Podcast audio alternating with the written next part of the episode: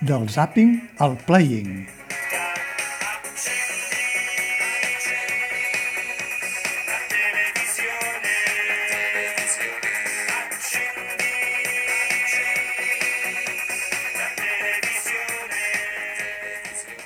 Des que les televisions públiques o no tan públiques han detectat que segons quins programes o sèries tenen un nombre considerable de visualitzacions fidels a través de la xarxa i el servei a la carta, que no pas en emissió en directe, han activat, tot i que amb moderació, la inserció de publicitat.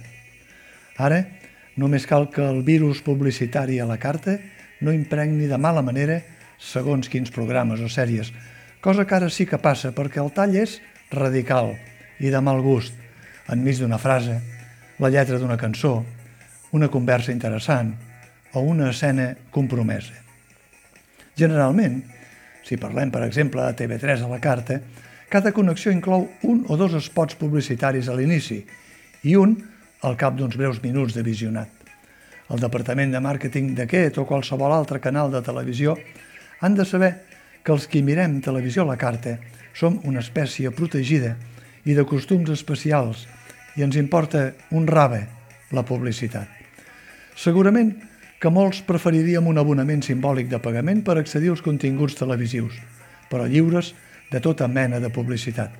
De tota manera, inserint-ne com ara la insereixen, perden el temps. Els que visualitzem televisió a la carta a través de l'ordinador, el mòbil o en pantalla de televisió via wifi, de seguida que apareix la publicitat, esperem amb delit pitjar el botó de veure el vídeo o, en últim extrem, emmudir el play uns segons i fugir del virus.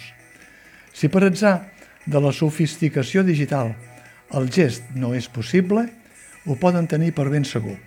Els usuaris de televisió a la carta passem de la publicitat i ni tan sols en fem cas, gairebé tan poc cas com dels discursos electorals. Entre altres coses, perquè l'accés de televisió a la carta, a través de la xarxa, exigeix una actitud activa, ben al contrari del que passa amb els que veuen la televisió tradicional, que explota una disposició passiva i molt sovint porta incorporada al sofà.